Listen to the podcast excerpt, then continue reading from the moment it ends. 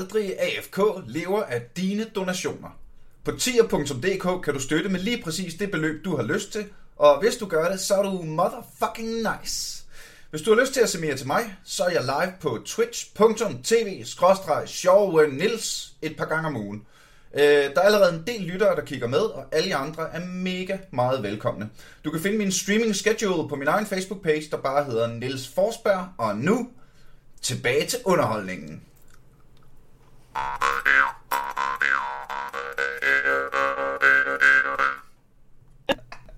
didn't I didn't peg you for a woo girl. yeah, I don't know. You know what? Anything goes. Seriously.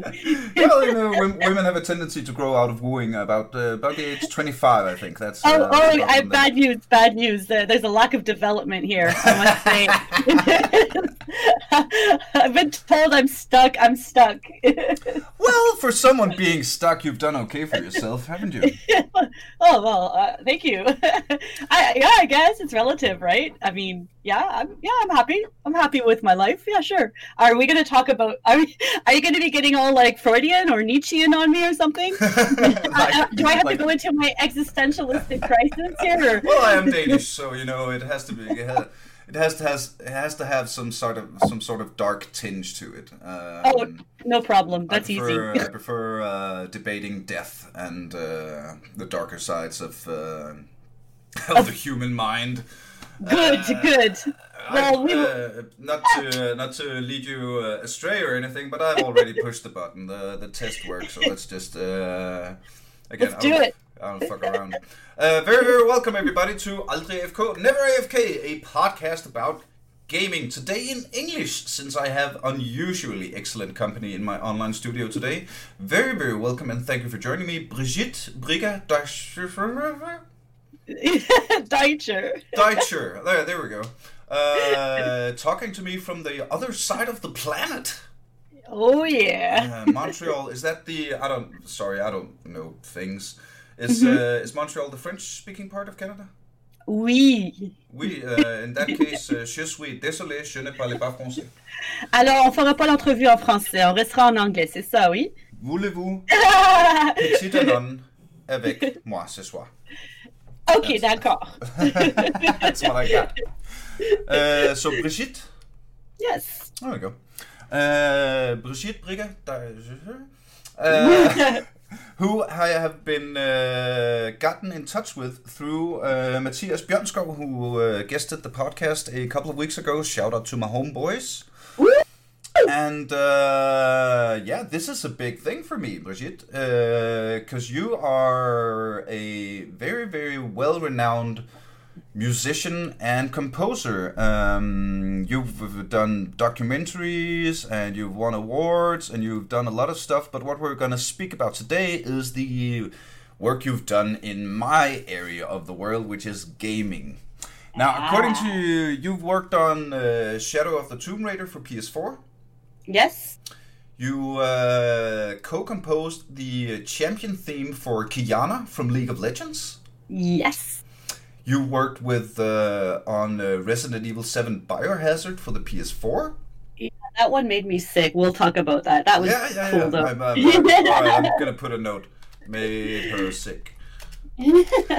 Perfect. That's uh, I, am looking for the juicy stuff actually. Uh, you worked with uh, Tom Clancy's Splinter Cell Double Agent. Yeah, a long time ago. That's like another lifetime. Yeah, yeah that was for the PS2. ages ago. Yeah. Um. So thank you so much for joining me. I don't. Uh, I don't know when to start, but we've got an hour. Uh, so let's uh, jump right into it. Uh, are you uh, are you a gamer yourself? no.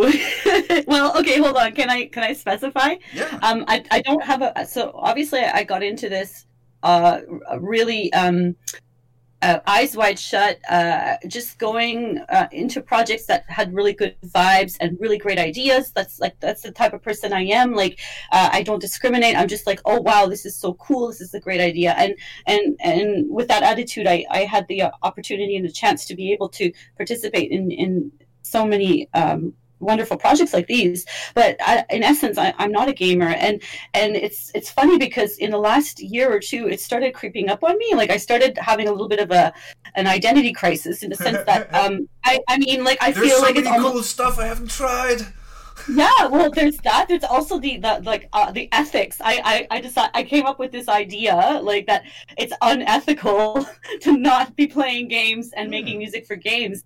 I mean i mean it started off innocently but like so you know with this covid-19 thing and suddenly having more time on my hands I, I called up a buddy of mine, Maxime Sim- Simon Poirier. He's the guy who runs Audiokinetic in Montreal. Like, an Audio Mhm. Kinetic, obviously, it's the middleware, you know, for, for, for games. Sony just acquired it last year. And I, I, I sort of called it up and I said, yo, I, yo, like, can you, like, suggest games that I can play? And, and he's like, starts listing off a bunch of, like, PS stuff. And I'm like, oh, I don't have a PlayStation. And then he, he, like, really took pity onto me. He's like, Oh my god! Well, you are so limited. What are you doing? Just stupid like iPad games? And I'm like, yeah, iPad games. Oh, And you so poor soul. Yeah, yeah, it was a very, very sad moment. And so he said, "Okay, listen, I have this old PS3. Just come on over. I'll leave it on the porch, and you can have it for like."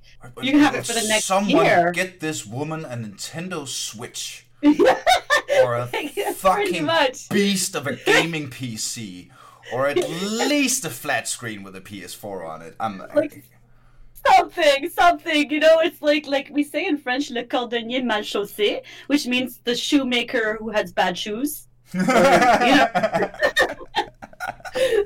So this uh, Yeah, I is the think, I think we have a s- I think we have a saying in Denmark along those lines with the childcare workers and their own their own children. Yeah. my god, that's so dark and good. Anyways, so so yeah, so Max was like, you know what, this is a serious problem. We need to start you somewhere. so here's my shitty PS3, and you can keep it for as long as you want. And then I said to him, because I don't know him that way. I well, I said, listen, you know, you're so nice. I feel really guilty. Like like look, I'll just use it for like a month. And he looked at me and he said. You have no idea. You're gonna you're you're saying that now, and just wait a couple weeks. Like you're not gonna return this in a month. It's impossible. Plus, he's got a four and waiting on a five. He wouldn't need it anymore. Oh yeah, that's that's why he was like, whatever, like Yeah. it's all yours, man. So so anyway, so um, I started playing um, The Last of Us. Is that oh, I'm bad with names. The Last of Us. Yeah. That's a good place to start, though. Oh my god, it's a. I hate zombie movies, and it's accompanied by like nightmares, but it's worth it. It's really beautiful. Um, I, yesterday, last night, I tried playing Assassin's Creed 2. I was so pathetic. I couldn't even chase my brother. Like, I was just couldn't even like jump on the rooftops. It like took me two hours to figure out how to jump on a rooftop. I, I'm so ashamed, really. Well, you, like- you're you're a you're a musician, right? yeah, yeah. So you know that uh, when you get a guitar, there's some muscle memory that needs to be loaded Developed. into the like. It's the exact same thing with a controller. You haven't been holding a controller, sure, but it, Yeah. you'll you'll pick it up. No Yeah, no, exactly. I'm just It- mad it's- at like I'm just mad at your friend for giving you a PS3. That's like what? You've never you've never driven a car? Where here's a smashed Ford Escona from 1983 where the brakes don't really work. Here you go. That'll give you a good Good first time experience. Good luck, buddy. Good luck. Hope you survive this. Anyways the funny thing about all of that is that you know unreal engine 5 like is, is out and all this promo and and all this talk about you know the ps5 system and i gotta tell you last night i was gassing like i went from zero to like 200 miles an hour i went from like hey i never played a game before to like oh my god i can't wait to get my hands on the ps5 Well, uh, actually, we need we need to uh, actually also delve into that uh, Okay. whole PS5 thing. Maybe that's Yeah. a good place to start uh, to continue actually, um, because when I spoke with uh, Matthias, Yep. uh, he mentioned something, and I'm paraphrasing here as, as far as I remember it, but he said something along the lines of one of the major technological advances that will be from uh, PlayStation 5 from 4 is that the sound uh, yes uh, uh, I don't know the technical term, but uh, whether maybe before they were like, let's say 50 channels, and now there's 2,000. So there Yeah. are there are like music, uh, game music composers and uh, sound uh, engineers for games, and then you Sound have uh, who are yeah. who are screaming and tearing their hair out because all of the company directors are going out. Yeah, our new games will have two thousand channels of sound, and they're like, but they we don't need that many. That's an impossible amount of work. You're telling us to do eight hundred times the amount of work we've been doing so far. Yeah, yeah. Uh, no, do you know anything? Yeah. do I know anything about this? Yeah. Um, well, uh, let me put it this way. Um, uh, if you want to be having adaptive sound inter- and interactive sound, and you're bringing it into a realm where we we're, we're talking about creating and simulating as much as possible Mhm. the the real i mean so you're getting you know, like with unreal engine you're talking about how many gazillion billions of triangles like just to like emulate light light refraction all that stuff so Yeah. you, you you draw the parallel as well to, to audio and and i mean it means it means a lot like it, it, it- you're right it's going to be a lot more work um, i have no idea how audio directors are going to be managing that i mean the audio directors themselves are probably like like um just completely having their heyday, but it's more the question of the teams that they hire, right? Yeah. Because it's the people in the teams who are going to have to be delivering the, the you know the assets and everything else. So And like the Yeah, nuts and I- I- bolts, right?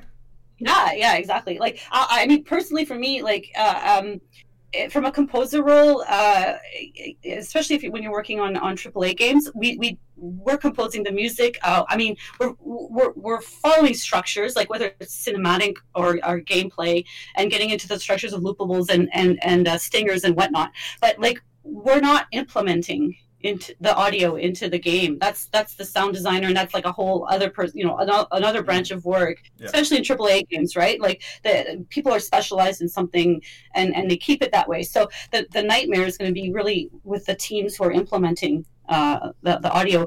Uh, but when you get into like more indie games where like the composer could also be implementing the music and and, And also doing is sound you've got five people in a basement. Like yeah it's it's, know? it's going to be a little bit of a different product i think you know yeah, yeah. so yeah, but it's yeah, yeah. I, I can't go into detail about. it. I don't know. I, I think it's just going to be a shit show. I'll be honest. with you. It's going to be a shit show.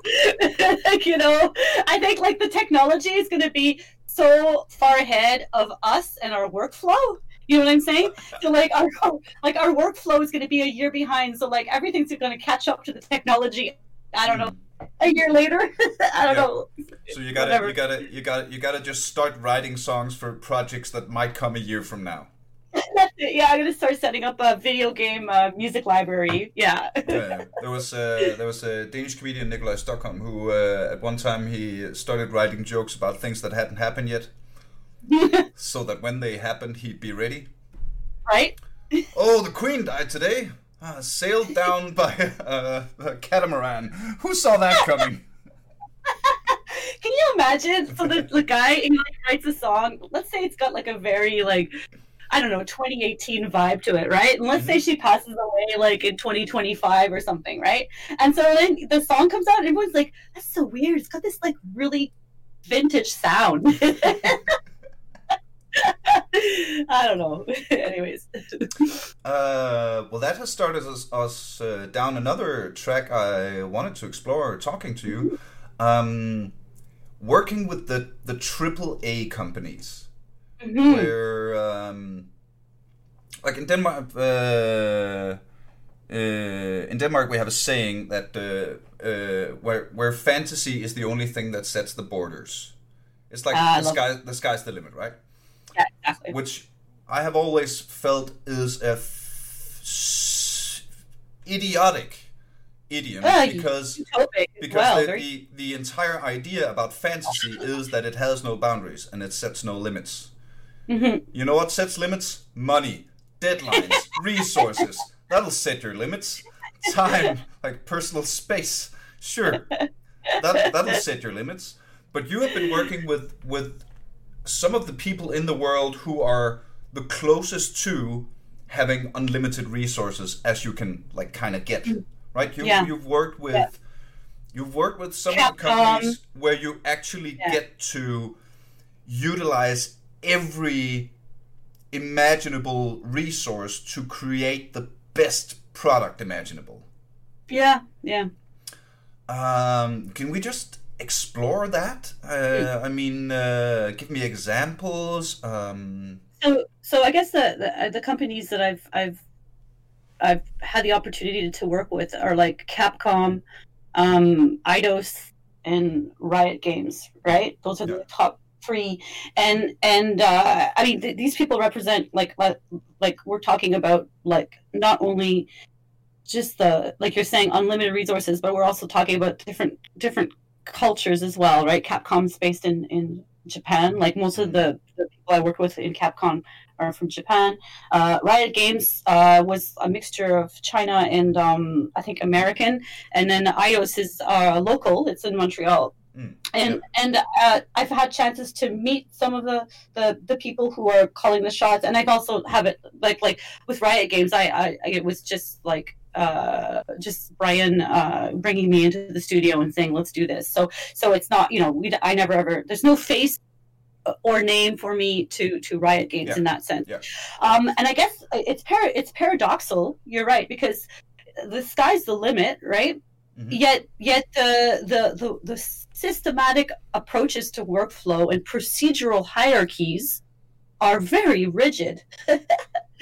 So, so you know, you're you, the, the irony of it all is, in order to create one's fantasy, you have to be very disciplined and very methodical and very, you know, uh, Cartesian, and and and that's the paradox of it all. Um, I guess. Uh, if you want to talk about like being creative in, in a context like that, in a in a high pressure, uh, like uh, uh, time sensitive uh, context, yeah. Uh, I th- I thrive in that. Uh, I I, thri- I really love that. I thrive in that. That's the that's the nature of my background as a as a as a musician, as a sideman, uh, composing also in the adver- for for advertisement work, which is like we needed it yesterday. It's kind of like you know, I'm okay. I'm a I'm a huge Star Trek fan, and it's really like every time Captain Kirk turns around to Scotty, and he's like, "Oh my God, we need to get the engines fixed. You have you know, you have one hour, and Scotty's like, okay, I think we need a full day. you were the Scotty of Riot Games. it's it's really that. So Scotty, so, beam up a Qiyana champion theme. Do it yesterday, yes, sir. make it, make it intense. Whatever, whatever I mean yeah. by that yeah exactly but uh, uh, so one of the one of the key things that that i do in situations like this is uh, people like to believe that composers sit down they write scores on Sibelius, which I do. If I have the opportunity to be able to navel gaze and like sit down and relax for a few days and mull over ideas and then write it on Sibelius, that's great. And there's some situations. What is uh, Sibelius? Sibelius is like a so it's a, a, from Avid Technologies. It's basically a musical notation. Uh, you have uh, Finale and Sibelius. It's the two main um, mm-hmm. musical notation software. So if you're scoring for orchestra, I mean, because uh, with the Qiyana theme, I mean, it's it's very orchestral. There's a lot of strings, a lot of percussion, it's a mm. lot going on. So normally, people would think, okay, they sat down and they scored. they sat down together and they scored this together, and it was like, and it's not at all how it works and the way it works is like this: like Brian's like, "Okay, come on in. I've laid down some bed tracks. Um, we're thinking this, this, this," and then he, and then he has a studio, and he's got like a hundred violins and a hundred cellos and, and altos, and like the oh. Joseph P700S microphone that I gas and I can't wait, wait to get. And then he's like, "Okay, let's do this. And then basically, I just start making shit up right there. Damn, melody, melody, and then harmonizing. So it's like improvisation. That's what I'm trying to get at. Yeah, yeah. Is that to make that theme, we didn't have much time. There was no time to make any revisions. So it's like as if you're writing and you're writing the final copy. Yeah, yeah, yeah. You well, know? I think that so, has that has an inherent. Uh, that's what you do when you work professionally, creatively.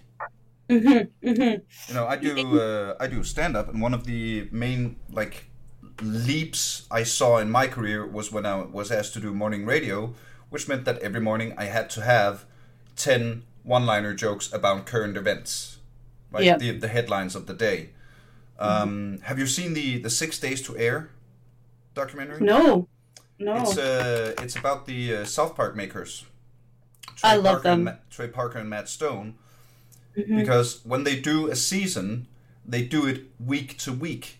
It's not Yeah. they uh, so you have they have six days from f- coming up with a stupid idea Mhm. and then turning that all into a finished, ready to air South Park episode. And and a lot of times it's just Matt biking down five minutes past deadline, biking down with a USB stick to the office of the the thing.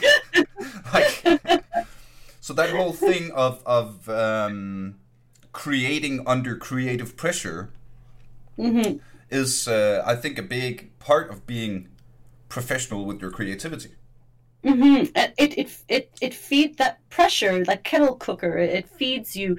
It feeds you because uh, at at one point you have to pretty much just leap and let go of everything and fall into nothingness. Yeah. And it's, when you're in that nothingness and and and you're just you're just free falling. It's at that moment where the the most astounding crazy ideas come to you. In the moment you don't think they're astounding or crazy. You're just like like it's like survival mode or something. You're just like okay i'm gonna throw this out. I'm gonna throw this. I'm gonna throw this. I'm gonna throw this at you. I'm gonna throw this at you you know? And it's exactly what i was doing on the violin. I'll throw this melody. Throw this melody. Okay now chuk chuk chuk chuk chuk you know like and, and it's just kind of happening in a whirlwind. And then at the end of the day you know, we go take a break and, you know, Jared's mixing it and we come back and we listen. And honestly, half the stuff I don't even remember doing. And I'm like, wow, sounds okay. Yeah. Oh, okay, you know, so, so, um, and uh, honestly, it's, it's, it's, it's a wonderful feeling. And I think I'm addicted to it for sure. Well, that's what you the what you're describing is uh, I'm I'm a design geek. Um, is uh, the the essence of the design process. Yeah. You know, you start by putting yourself into a space of exploration Mhm. where nothing is right and nothing is wrong, and most of this where you just start putting shit out, and most of the stuff will be shit, but you have to, like, you have to. It's like I, uh, when I when I when I uh, teach comedy, I refer to this as the joke mine. hmm You got to pull out all the ore and then you and then you extrapolate jokes from that later on, right? But you got to pull out the ore before you can refine it. exactly. So Yeah. you got to just say shit, put shit down on paper. When you jam, uh, like when musicians jam, you just uh, play notes or say one-liners or puns or whatever. I Yeah. can imagine like furniture designers will have jam sessions where they just sit down and go wooden chair. Has that been done before? Right. I could totally see a skit in that. I would love to watch that one. But like architect, architects, uh, that's a creative thing. They could jam like that. I'm sure if you're a dance choreographer, you could Yeah. with another dance choreographer and just start doing moves until one of them looks cool. All right, that's that's one. exactly. okay, I could just see a bunch of series of jams here happening. What if you mix the architect with the dancers? What happens then? yeah, yeah, there we go. Um, so that's actually really cool. The the whole um, the the way we insert the uncertainty of creativity into a very such structured, like corporate, AAA Yeah. game developer. But even that, you still need some free flowing nothingness Yeah, yeah. in order Yeah. to. Uh, and you can find it. I think part of the art form is is i think that you can find that nothingness everywhere. I think it's a question of there's an art form be, behind trying to find it and identify it or if you can't find it and identify it just to create it right? And and that is not i mean i think you know like you said earlier i think it's part of like like this is whole romantic notion that inspiration comes to the artist whenever it comes and and you know listen i wish i wish i could live that. I wish i could just like wake up one morning and be inspired. It's not that i'm not inspired but it's just that every day i'm like a lemon someone's squeezing me making Yeah. the teeth come out you know and so you you know there's part of that idea of like nurturing your own personal secret garden that space where you can uh, refill and uh, we say in french se ressourcer to resource to mm, to to yeah. go within and then after that you know like that that whole nothingness i mean um it doesn't matter how big or how small or how whatever at the end of the day if you can just tap into the universe and its nothingness i mean if you can do it and just accept your fate and have no idea where you're going to go i mean that that's wonderful It's, I can uh, highly recommend uh, the works of uh, Edward de Bono Edward de Bono. and the notion of lateral thinking versus vertical thinking. Oh yes, yes. Um, if uh, if anybody uh, would like to explore this more, I have a like. I usually get asked, like, how do you come up with your ideas? And I'm like, that's not the hard part. The ideas come everywhere. I just gotta brush my teeth and then think about brushing teeth, and something will come up, right?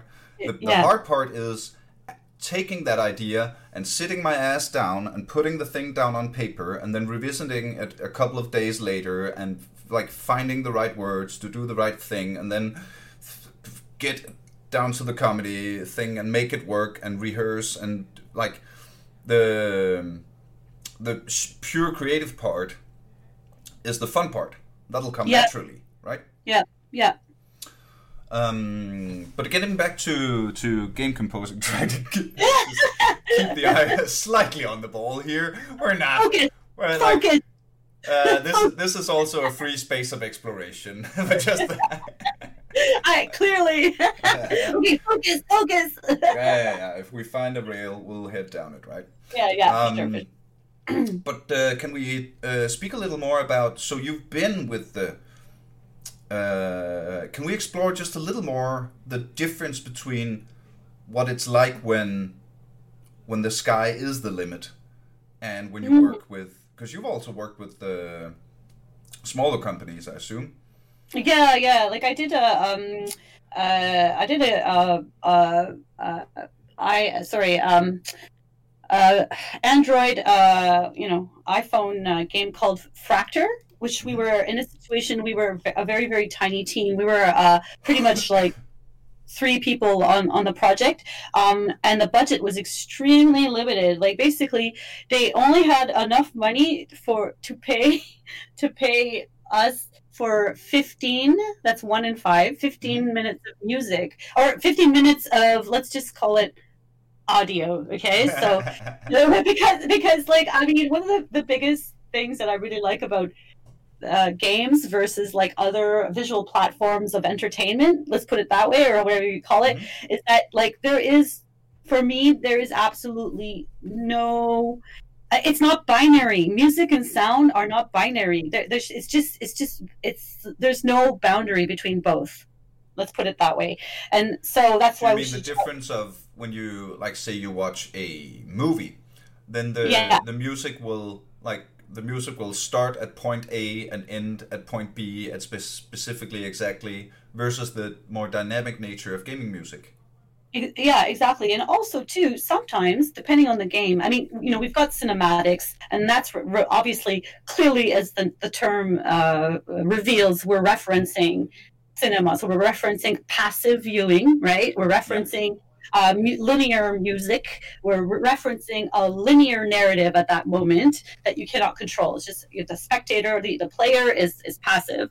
And then when you're getting into like gameplay, I mean, dep- it, it depends on the platform. It depends on the game, but there are potentials. For example, with Fracture, the, the reason why I mentioned Fra- Fracture was that we didn't want to just come up with like gameplay ambiances and then sound design and like sort of keep that separate. And and it's not a novel idea. It's not a new idea. The idea was that if we were to attribute sounds and instruments to specific objects in the game and that when the player triggers a specific object it creates a repetitive sound and you could actually be unknowingly composing your own gameplay ambience depending on what you trigger and what you don't trigger so at that point what happens is you're making music but you're you're designing music through sound and the sound is a combination of sound design and actual you know sounds like uh, sampled from violins or marimbas or uh, um, uh, you know like pick your instrument right so yeah, yeah. so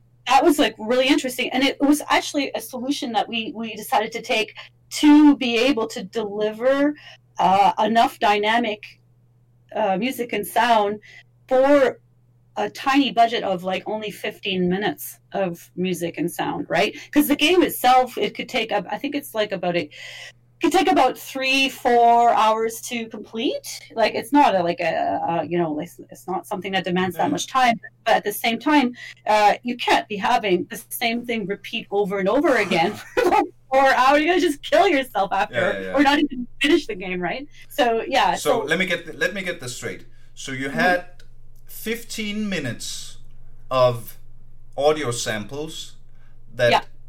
were then have to be composed in a way that they could be combined in a way to not sound repetitive for 4 hours.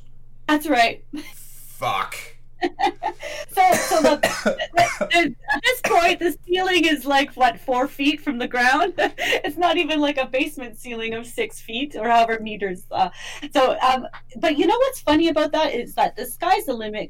The concept of the sky's the limit. It's almost like walking into a buffet where you could be offered so much food that you end up just having an anxiety, like a panic attack, and you suffer anxiety, anxiety, and you freeze, and you're just not even capable of taking that step forward and or you can like you're saying we were, we were talking earlier about falling into an oblivion and that nothingness whereas th- this situation was like this box is so small how can you squeeze in like a football field in a tiny box of like one meter by one meter right And- so and what- and so how what do really you actually do that?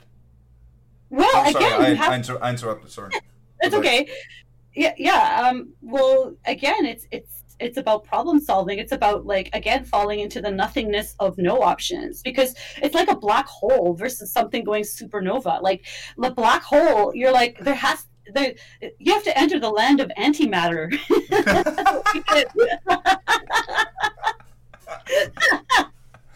Nice. That's what we did. That could be that could be like the the clickbait title of this episode, "Entering the Land of Antimatter." I like that one. no, but honestly, um, there were about seven levels. Okay, so at 15 Mhm. minutes, let's round it off to two minutes per level. Okay. Mhm. Um, so then what we did was within those seven levels, um, and there were different seven different themes. And so what we did is we attributed specific instruments that would fit to specific themes. Right. So so right away uh, we did start organizing the little space that we had.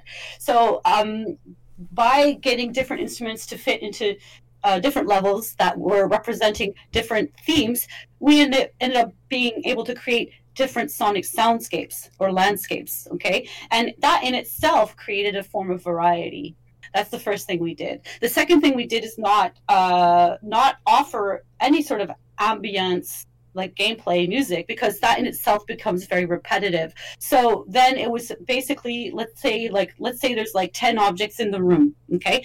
She has to trigger she has to push rocks. She has to trigger uh, lights. She has to turn the lights uh, the, these like sort of like um uh, these big sort of large lights have beams and she has to like reflect them off of mirrors and they trigger certain other things that will then open the door to, to let you go to the next level Yeah. so all of these objects and all of these like actions you know we could attribute a certain stinger and a certain sound and then depending on the length that she was manipulating the object the length of time or or once the object was triggered maybe it remained triggered uh, right there you you know we were able to sort of create music that would be very uh, dynamic and and and as well as just kind of um, I guess keep the player on their toes if in case they repeat the level again. Yeah, yeah. they you know if ever they want to explore that element. I don't know how many people you know decide to explore the the the potential of of of creating music within a game. I don't know if it's been encouraged. You might know more than me. I don't know. Hmm. Well, um, um, uh, the purpose of creating music, um, I don't know. Like, I've, I'm automatically thinking like Beat Saber, Guitar Hero, all of that stuff. Yeah. That's of course Yeah. not creating music. Then I think of. Uh, I remember playing some computer role playing games where there were like puzzles involved that you had to ring uh, some bells at the in the correct order but like introducing the introducing the creative process of creating finished uh, finished like works of music. I don't think i've fallen upon any uh, in Well, my gaming history. Uh, well definitely it wasn't the intention of the game. The game is a, a very it's a puzzle game. It's really based on the visual design. It's, Yeah, yeah. it's quite aesthetics right so it's just that it, for us it was just a way to sort of be able to deliver something impossible or that seemed impossible at the beginning you know Yeah. yeah Uh, so can we uh, speak a little bit about then about the difference between working like that and then working with, let's say, Resident Evil Seven Biohazard or Shadow of the Tomb Raider? Like, Um, when when you when you because when you I can almost see it as an advantage in in some strange way or fashion. It's there's a part of it that's an advantage when you only quote have the have to worry about the 15 minutes. It's like if you do uh, if you do stand up on television, you want it the best, but it's five minutes, so there's at least that contra Yeah. having to do like a full like Shadow of the Tomb Raider is such a massive game with so many hours in it. Yeah, yeah. so uh, where I don't know where do you start?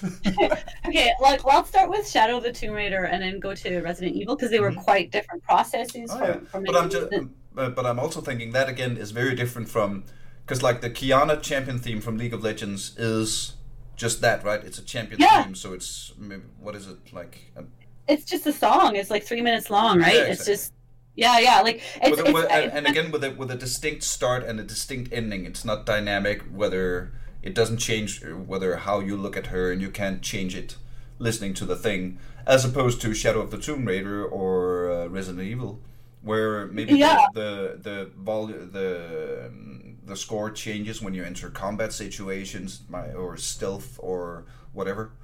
Yeah, yeah, uh, definitely. Well, I mean, uh, so again, getting back into the concept of music uh, in general, I think, I mean, we're still seeing it this way. Music is something that you passively listen to, you know, in general, right? Yeah. So the, the Qiyana Champion theme is exactly that. Um, and then uh, Shadow of the Tomb Raider was a, a three-year commitment.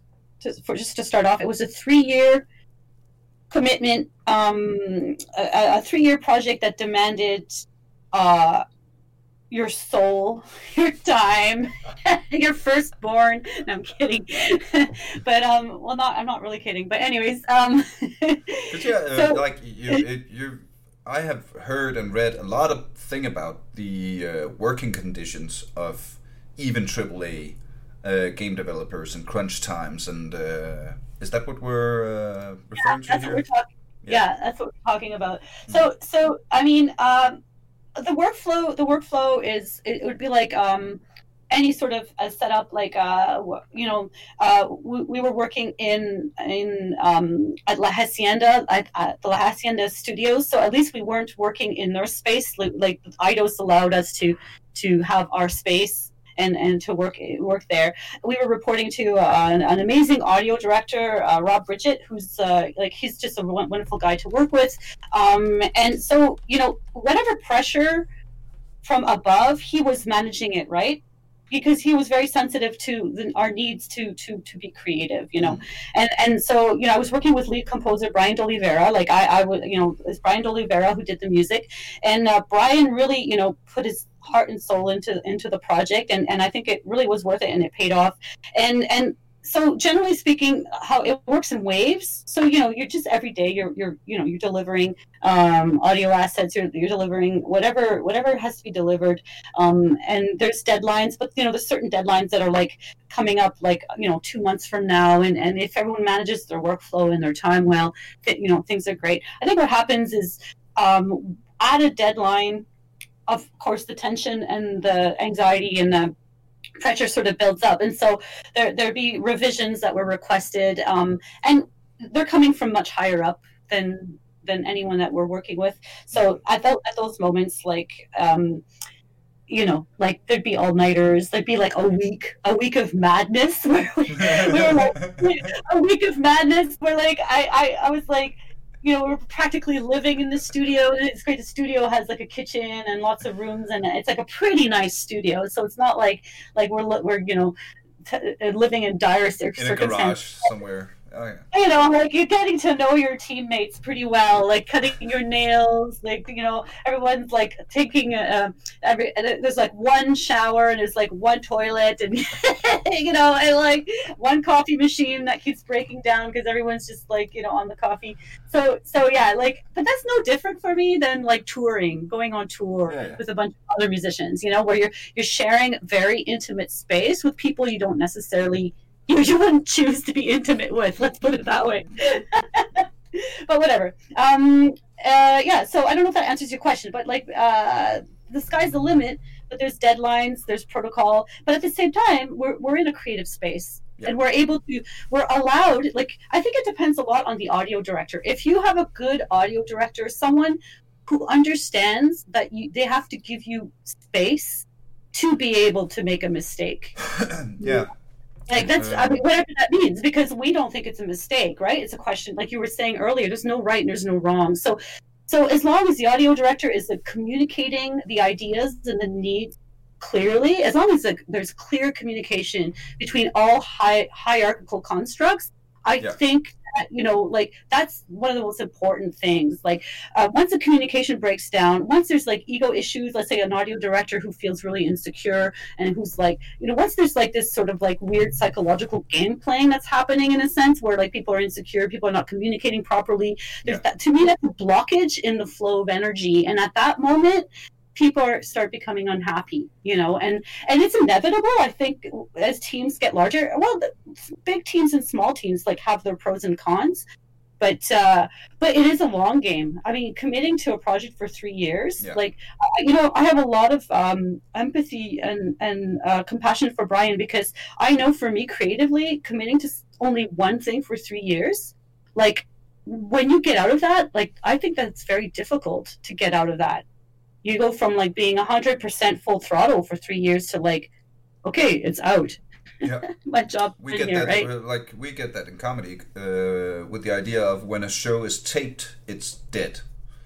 Yeah, Like the, Yeah. sec- the second you tape a show, then every joke in that show is delivered, gone. And you might have been touring with that for months, and you've been working on it maybe for years, and little twists and turns, and you're used to, you know, you you change small stuff, and and you rewrite things, and you rearrange things, and then from that day on, it's just, and you you you sharpen the show to have like the fucking the tightest material. There's a joke every sentence, and then you end that process, and then you're like, so I got to write something new then. Well, back to showing up at open mics with mics with post-it notes. Right? Is this funny? Yeah. Does this do anything? that space Yeah.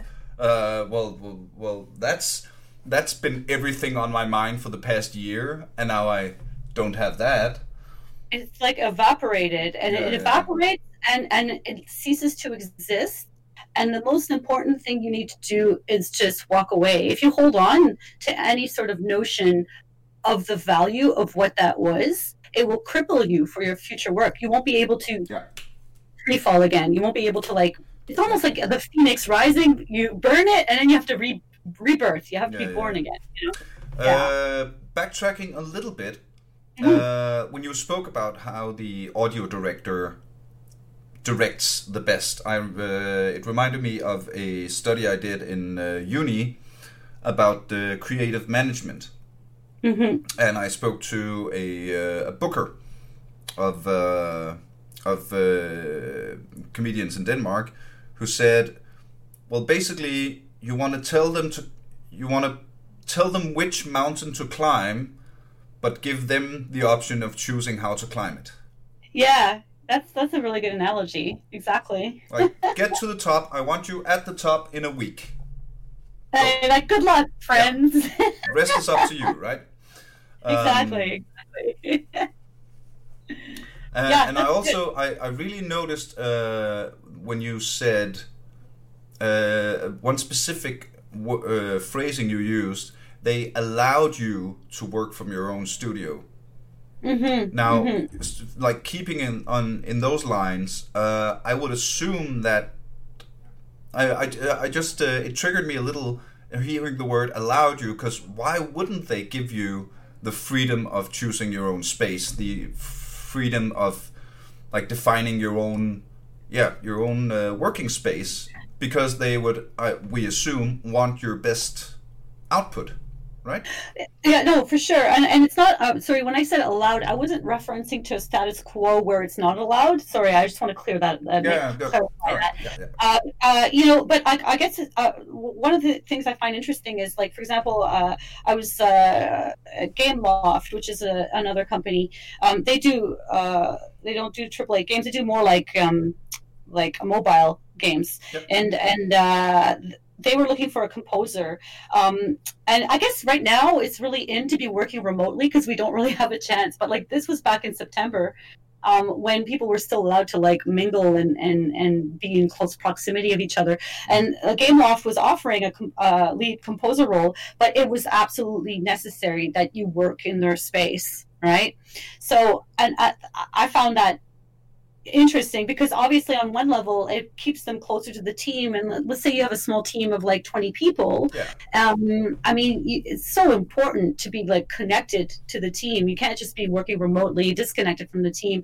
I mean in a perfect world. Um, but yeah like i mean I, I do see the idea of like being able to just like I said being allowed to work from your own personal space as as such it's got its pros and its cons. I mean, creatively, we were we didn't have to like we never met the sound designers. We never got to. I mean, well, it's not true. Uh, we did meet the sound designer, but like we didn't get to meet the whole team. How many hundreds of people worked on uh, Shadow of the Tomb Raider, right? Yeah. Like uh, we were disconnected on that level, um, but then at the same time, it gave us this chance to be our own little tribe, to be our own little uh, unit. You know. Yeah. So I, I really quite appreciated it. Uh, yeah it was quite lovely. Anyways um, and if, if you're cool with this i'd like to segue into the process uh, with uh, resident evil I was just um, gonna. I was just gonna go there. yeah? Okay perfect. Uh, just because talking about uh, being allowed to work in your own little tribe or your own like niche um, with uh, biohazard resident evil biohazard 7 what happened was capcom uh, capcom approached it uh, in a very different way. It wasn't like uh, there were a few composers on the project, and what they were doing is they had they had uh, the team in Montreal La, at La Hacienda, um, and then they had a team in Tokyo, and they had a team in uh, Los Angeles as well, and there may have been another one, I'm not sure. And they were actually um, everyone was working from their own space. And what they were doing is they would receive, like, let's say, like uh, one sort of uh, cinematic uh, piece um, from Tokyo. They liked the idea, then they would send it to us and and ask us to to to to top it and make it better. So they were actually using that kind of competitiveness between between you know small teams or small tribes. They were looking for us to compete uh, against each other, but we were working together, right? And I thought that was really interesting. I thought that was very interesting, and I quite liked it because uh, sometimes the you know the team in, in LA or Tokyo would top our idea. Like they would pick up on our style of like sound making and of composition, and they would copy it.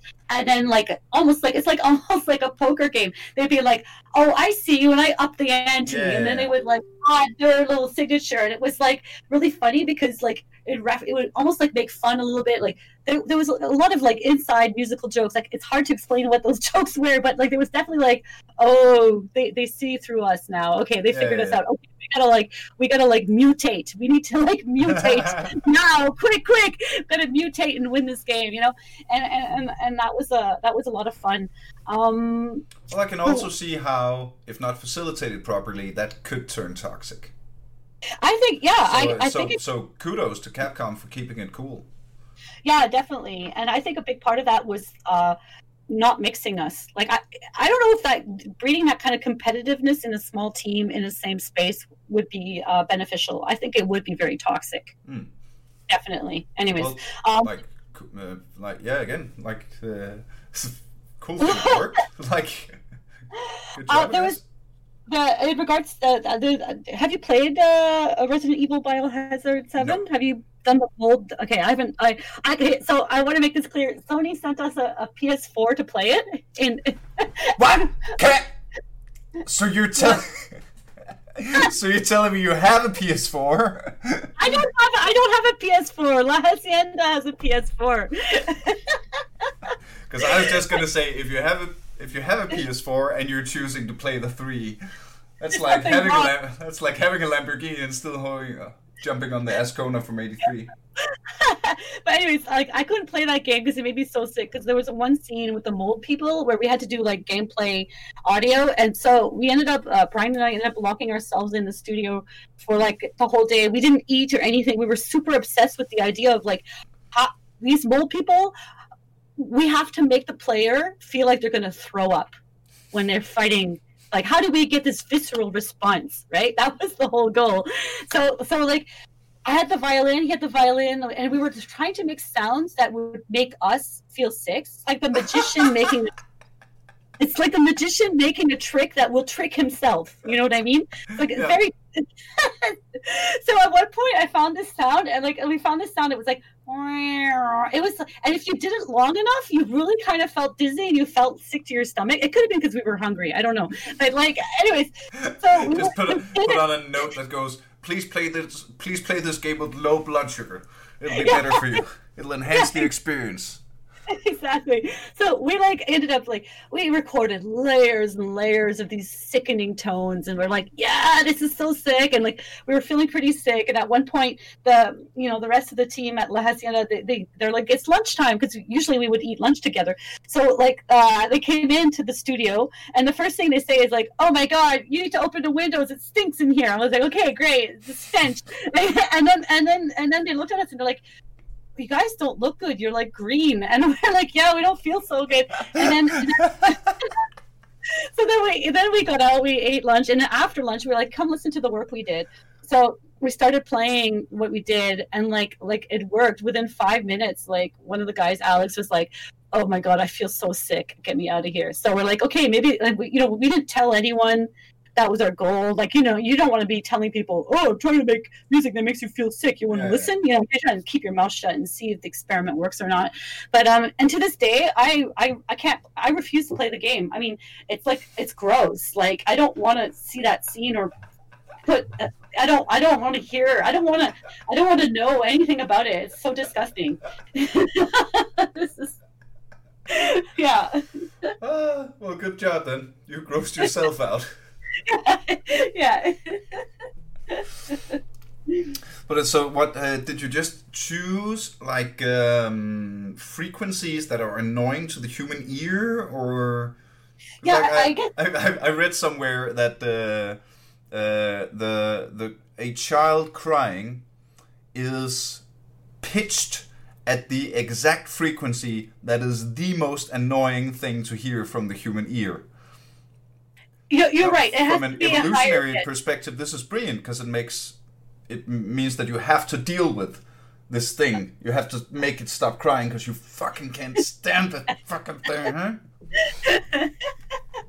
definitely in the higher uh, definitely in the higher frequencies like for sure um uh, one of the biggest things is uh the relationship like uh of intervals uh, that's one of the references reference points I use. So, for example, an interval, uh, you know, is is the relationship between two notes. If we're going to just stop talk, talk about the basic definition of of a musical interval, um, intervals are pleasing to the ear. For example, like octaves and fifths and fourths. Often in meditation music, if you're trying to meditate or stay calm, uh, there will be eighths or octaves, sorry, fifths and fourths in there because they have sympathetic resonance and harmonics are being uh, harmonics are coming out, and it's you know that whole idea of like positive vibrations. That's definitely what you're going to hear. If you're looking for intervals that like uh, can bias like opinions, like something that's happy or sad, for example, like the most basic concept is a Mhm. major third is a happy interval, um, and then a minor third is a sad interval.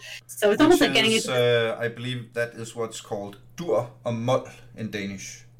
Yeah, and it's like the semiotics of, of sound, like basic rudimentary, like because uh, we can get uh, deeper into it, and depending on on the culture that you grew up in and the, the region area on, on planet Earth, uh, uh, we don't have the same associations uh, Mm. to those sounds. Really? Um, so what is interesting is one of the most um, antagonizing or a- anxiety uh, create an- anxious writing sounds are sounds that are almost the perfection of an eighth of, or a fifth. Hmm um, and so that w- we're getting into basically like a major seventh or minor second. Now, this is within Western uh, Western classical music. Now, because uh, obviously there's only 12 tones in Western classical music, and when you really think about it, we're not getting into the microtonal. If you get into the microtonal, and let's say you're getting into like two microtones off of Yeah. a perfect eighth.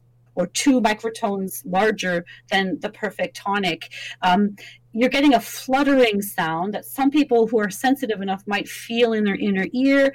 Um, if you're not sensitive enough in, in regards to your hearing, you might feel it as an emotion or a discomfort in your chest. So what what Brian and I did, we didn't we didn't go to it as as uh, from a scientific perspective, although we know that there's science behind it. We very much went into it uh, through a personal sensorial perspective. We had a basic uh, information, and we went through feeling. We we really composed again on on the spot. Um, and and we we felt we we searched for that microtone that would make us collectively or the two of us feel that discomfort and then we stacked one over the other over the other to amplify that that discomfort and and and i do think in hindsight that we succeeded in in doing so Oh, that's so cool. That is so cool. Um, we are uh, actually nearing the one hour mark, which uh, We are. Uh, we don't- we don't have to. We don't have to end it right here and right now. Um, but maybe uh, now would be a good time to start. Maybe lifting the perspective a little, um, broadening the broadening our minds, like kind of uh, what's the word? I usually say tie a bow on everything we've been we've been, been speaking about here. hmm Summarize, if you will. Sounds uh, good. The final bombshell of wisdom. um, I think generally gamers appreciate more than they know the music Yeah. of games because Yeah. the music of games does have a it's there's something about the the application of the pentatonic scale uh, Mhm. like the, the notes and chords that the way you apply it directly affects how the listeners feel hmm right? We all know songs that make us feel happy. Uh, we all know songs that make us feel down. Um, and of course, when you're playing a video game with the intent to immerse you in a universe or a uh, um, a mood, then of course music plays a huge part in uh, in facilitating that. And um, yeah, do so. Like maybe that's maybe that's the thing. Remember to appreciate good, good uh, game music and appreciate especially the shit ton of work that's gone into making it in some cases. Right?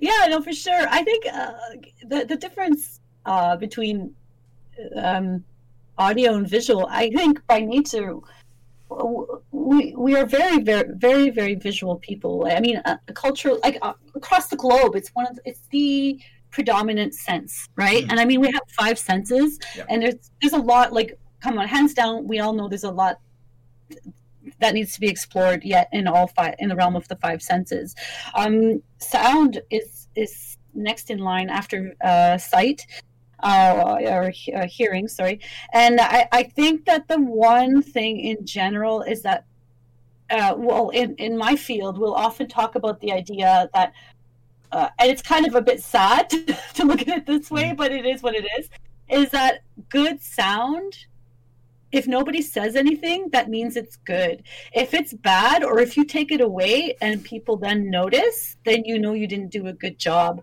So it's like weird because it's not like you're looking for accolades even though like you of course like you'd like to have accolades. It's more the idea that if it fits in like so naturally with what the person is Yeah. seeing or that if i've managed to manipulate how you feel and you have no idea That That you're you're the puppet. manipulated. yeah that you're the puppet and i pulled the strings you know i just enhanced your experience you know you know, then I did a good job and you have no idea. And if if you turn around and you're like, wow, this music's really cheesy or this game feels cheap, then I failed. you know, that's how I see it. Anyways. Yeah, yeah, yeah. Which is kind of sad, but it it is, you know, it's okay. I I mean, we'll see. I don't know. It's all good. Like, just don't you, get me just you, now. just you saying that now that that sight is the the primary sense basically across the world made me think of how the music industry ended after MTV. yeah. Like the entire idea of of you having to be pretty to be a musician. You don't have to be pretty to be a musician, but very, very, very, very many musicians are pretty, and it's a thing, and it's part of the entire fame and persona thing, as opposed It's to a whole brand. Yeah. yeah. Uh, there are be there are musicians, uh, and I say that in brackets and all the quotes I can that are basically only the the the beautiful cover of a producer and uh, a couple of recording agents, and who just need a pretty uh, shell to put their music into, because Mhm. pretty is important in music. Image. Um, like so, you know, the song "Video Killed the Radio Star," right? Yeah, exactly. That was That's- the beginning. That was the beginning of the MTV industry. That, the, the, and I think that that was the quote unquote the heyday, the quote unquote the the the, the golden era, if you want to put, if you want to Mm. use these quote unquote terms, uh, to to to the music industry when when artists were being paid, everyone was being paid, uh, everyone was making money and becoming, you know, rich and famous or whatever you want to call it. Um, I think even with the times that having having changed, even like right now, I would I would say that uh, artists went from from um, being visually like a visual eye candy uh, to now um, basically uh, uh, politi- political statements. I feel like a lot of artists now, it's not so much about being the, the eye candy, it's about like what do you have to say and that's personal and political at the same time. Mm. Um, that's really where the, the, the music industry is at now. Like like uh, what do you represent? Who are you fighting? Like who do you whose voice do you represent? Uh, Yes. So there's you know there's that right. And again, like that that is more important than the actual um, sound, the actual music. It's it's still it's still about branding and, and image for sure. Um, I I don't know I don't know why I don't know like I- I'll be honest with you I have no idea how things could shift. Like, can you imagine if we lived in a predominantly like oral world, like or Oh, I'd hearing? love to. I'm a professional I mean- speaker. That would be excellent. you know like or like you know like like touch like my sense of touch is is quite i consider it to be quite sensitive. I'm sure most people everybody we have a great sense of touch you know? Mm. and like um uh, um you know you're gonna laugh at me but like my my, my wonderful ps3 console. Sometimes sometimes the the the la manette how do we say la manette? Sometimes not the joystick sorry. Sometimes my it, it, it vibrates Yes. and i'm like why why is this thing vibrating? You know because like my player died or something. I don't know. But like there is an attempt to sort of get into the the, the tactile right? Yeah, yeah, yeah. but it's it's still quite limited. Like Yeah. and even vr vr there's abs- absolutely no tactility to, to virtual reality. Like like i feel like tactility is so important in in the real. And if you're going to go virtual in the real you have to address tactility. No, I don't know. Anyways but uh, Uh, yeah Yeah. Uh, Brigitte, it has been an absolute honor, treat, and a pleasure uh, having a chat with you here. Um, I, uh, I'm not leaving you until I give you some what to play advice. okay i love this okay i'm ready i'm ready right. So, uh, what are you into? What, Okay. which which kind what, what kind of gaming experience are you looking for? Uh, so I'm in a phase right now where I'm like, like, you know, the the teenager who doesn't know know who they are and what they like, so they're trying everything. I'm trying Mm, everything. Yes. That's where I'm at right now. I'm at the developmental stage of a 12 year old, right. maybe 13. Are you? I don't know. Uh, are you? Do you read? Uh, Yes. Do you read like uh, fiction novels? Yes, I love fiction novels. I I love sci-fi. I love fiction. I love current events. I like I I, I very much love uh, trying to break myself out of the circular thoughts I have. I love exploring new things. So. All right. yeah. Uh, well, if you uh, enjoy history as a, uh, uh, if you enjoy a good story Yep. and you're really into sci-fi, I would highly, highly, highly recommend playing the Mass Effect series. Oh my god, you know what? In the games, I almost played it last night. I got Mass Effect 2 and Mass Effect 3, and I almost chose that before Assassin's Creed. Sorry, I'm shouting because I'm really excited Yeah, right yeah, now. Yeah, so, okay, Um, good. I have it. Okay. I can Good. highly, highly, highly recommend. That has some of the best uh, storytelling and character writing and development I have seen. It's, it's it is Mass Effect is kind of the go-to sci-fi role-playing game. Awesome. Okay, done. I can do it. Um, say hi to Garrus from me. I will for sure. and um, uh, The Last of Us is widely recognized as one of the best games ever made. And the music too. like it's well, amazing. everything, everything. Yeah, Uh, everything. Did, when I when I did the uh, the episode on uh, The Last of Us, I had two uh, uh, two of my buddies uh, in, and I asked uh, one of them, "Why is it the best uh, zombie game ever made?" And he goes, uh, "Because it's the best game ever made. it just happens to be about zombies." And I asked the other guy, and he said, "Well, I don't think it's the best zombie game. I think it's the best everything." yeah. like, all across every form of entertainment of movies and series and computer games and PlayStation games and Xbox games and across everything, I have never been more better entertained than playing The Last of Us. Yeah. Yeah, it's it's amazing. I mean, I haven't gotten that far, but it's amazing. It's really it's so good. Um, If you're a uh, if you're into fantasy, Yeah. uh, The Witcher Three. I don't know if Oh. I don't know if you can play that on PS4 on a PS3 though. I I don't think so, but I think I have just The Witcher. Is that possible? Just the first one? That's on very possible, but the, the thing about The Witcher is the first one is horrible. Oh, okay. Well, then I won't go there. The story, uh, the story is kind of okay, but uh, it's also The Witcher. The Witcher, I believe it was The Witcher One, which is one of the most misogynistic computer games ever made.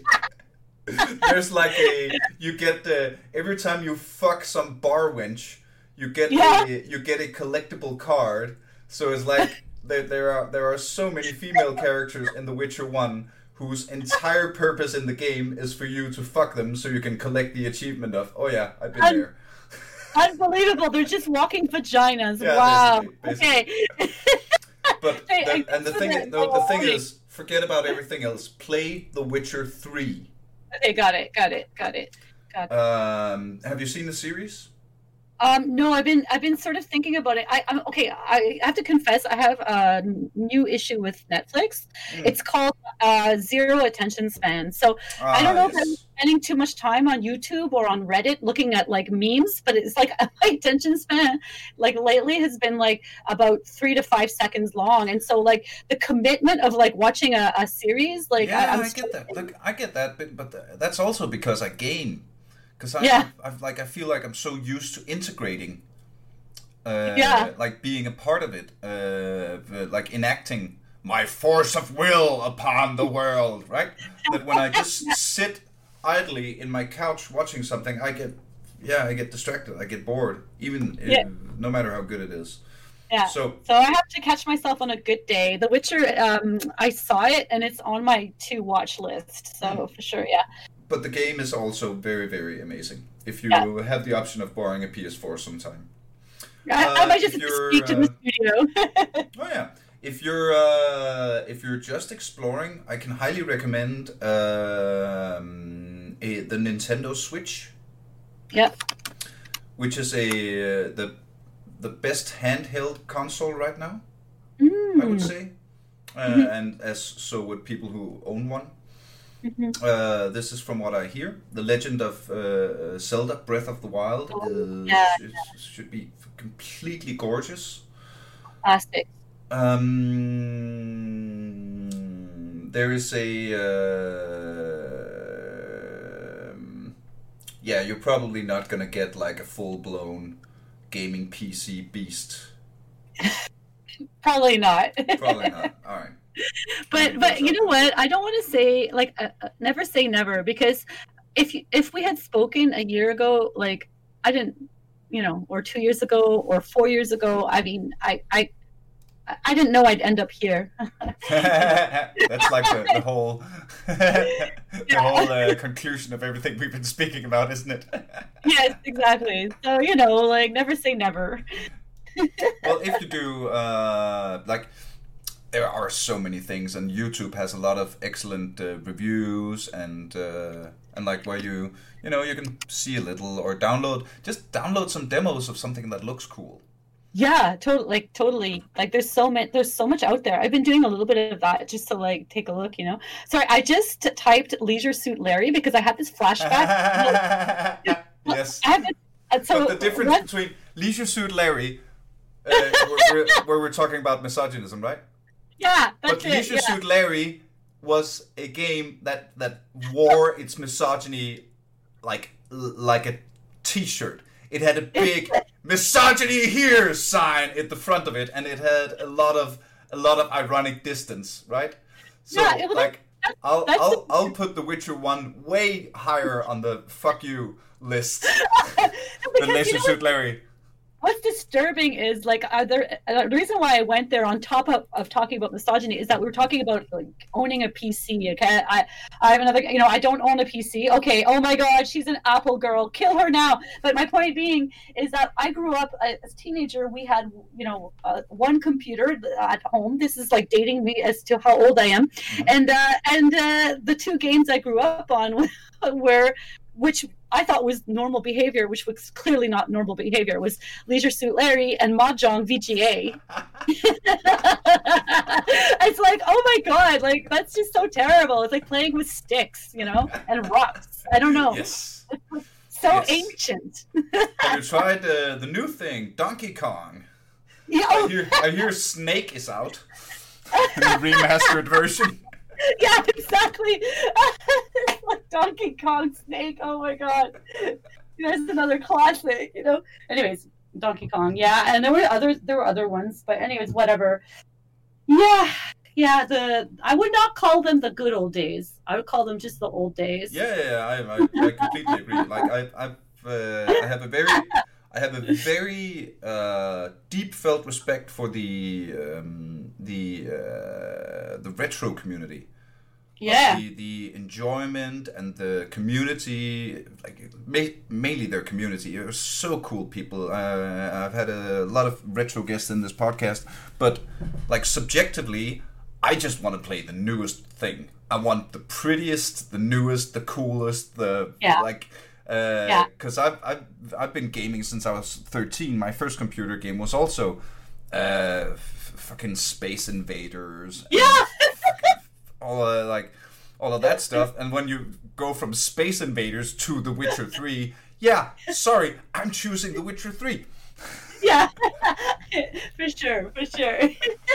but like to each his own i'm not like uh, no shame here but i'm choosing the witcher 3 I think it's totally fine. I, I'm I'm in the I'm in the well. I get having a PS3 and I'm saying I'm into the new games too. Is kind of pathetic, but uh, you know, I'm, I'm trying. Okay, E for effort. uh, do you have an ipad uh, no, I have just the phone. okay i don't think it's available for the phone but uh, i do have homework for you okay, give it to me. You have to play a game called inside Inside. Okay. borrow a computer somewhere if you can't uh, find the logistics involved. Okay. It is a Danish game, and Ooh, art. 10 out of 10 on Steam. Sorry to interrupt. Yes, Wow. it is art. Mhm. Wow. And uh, if I ever have to, and there's a lot of uh, of fantastic sound design in that game. Wow. and it is storytelling without words in the darkest Scandinavian, most Scandinavian version. Beautiful, beautiful. it involves I would like- uh, it involves a, a boy dying quite a lot Okay. every time. Oh, he he dies often. Like he has many Well, every time you every time you fuck up. Oh yeah, of course he dies. Yeah. I like how it's inside by Playdead Games. Yes. Beautiful. Uh, Okay. So uh, I usually uh, end with uh, allowing my uh, guests to to plug themselves and their things. You don't need that, but is there anything you'd like to uh, share with a couple of thousand Danish listeners? Uh, if they want to uh, see what you uh, something what you're doing, something you're working on currently, whatever. Well, um, there's a couple things I'm working on I can't talk about right now. I can't even stick to it. the things you can talk about. Yeah, but uh, that being said, um, I just, um, you know, uh, I- I'm I don't consider myself a sound designer that that, that specializes in implementation, but I did finish uh, the Wwise course, and I was able to get into uh, doing some audio work for the Wwise uh, adventure game, which is a, a wonderful, you know. Uh, little uh, uh, game. So, uh, so I have a demo reel out. Um, if you type Brigitte Deitcher uh, game audio, you can find the demo reel on Vimeo, and it gives you an idea of the stuff that we, what we've discussed today, the, the projects I've been part of, as well as where I'm going. And basically, where I'm going is I'm I'm looking for new projects, I'm and um, new opportunities, and meeting new people. So, I mean, I, I'm yeah, I, I don't I don't really know what else to say than then let's be friends. and uh, if anything else fails, I'm sure they can find you at your webpage, webpage page, Yeah. which Yeah. is uh, Brigitte Dasher, which is Yeah. Bri-. Brigitte. All right, you get it, guys. Get it, Danish people. Brigitte, D A G C Z E R dot com. That's right. Yeah, you can find me there. There Hit we me up. Uh, Brigitte, thank you so much. It has been an absolute treat chatting with you. Thank you so much, Niels. It's a pleasure as Uh, well. I'm just gonna wrap this up in Danish real quick. Sounds good. Uh, tusind, tusind tak, fordi du lyttede med, kære ven. Og øh, jeg siger bare lige det, jeg plejer at sige, ikke? Du ved, øh, smash den der like-button inde på Facebook, og det er den nemmeste måde at komme i kontakt med mig på. Hvis du har øh, ris, ros, kommentarer, gode idéer til enten gæster eller emner. Også øh, en god måde at møde alle mulige andre lyttere og aldrig FK på. Øh, og snakke sammen med dem og have en hygger. Øh, tusind, tusind og ekstra vidunderlige, øh, især i de her karantænetider. Tak til alle de skønne mennesker, der støtter ind på tier.dk. Du er for nice!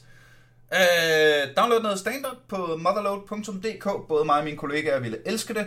Øh, og tag et kig med på Sean Nils, nej, twitch.tv skråstrej Sean Nils. Når, øh, og så er jeg online et par gange om ugen. Og øh, du kan se min streaming schedule enten ved at øh, follow øh, mig derinde, eller øh, finde min egen Facebook-ting, som bare hedder Niels Forsberg.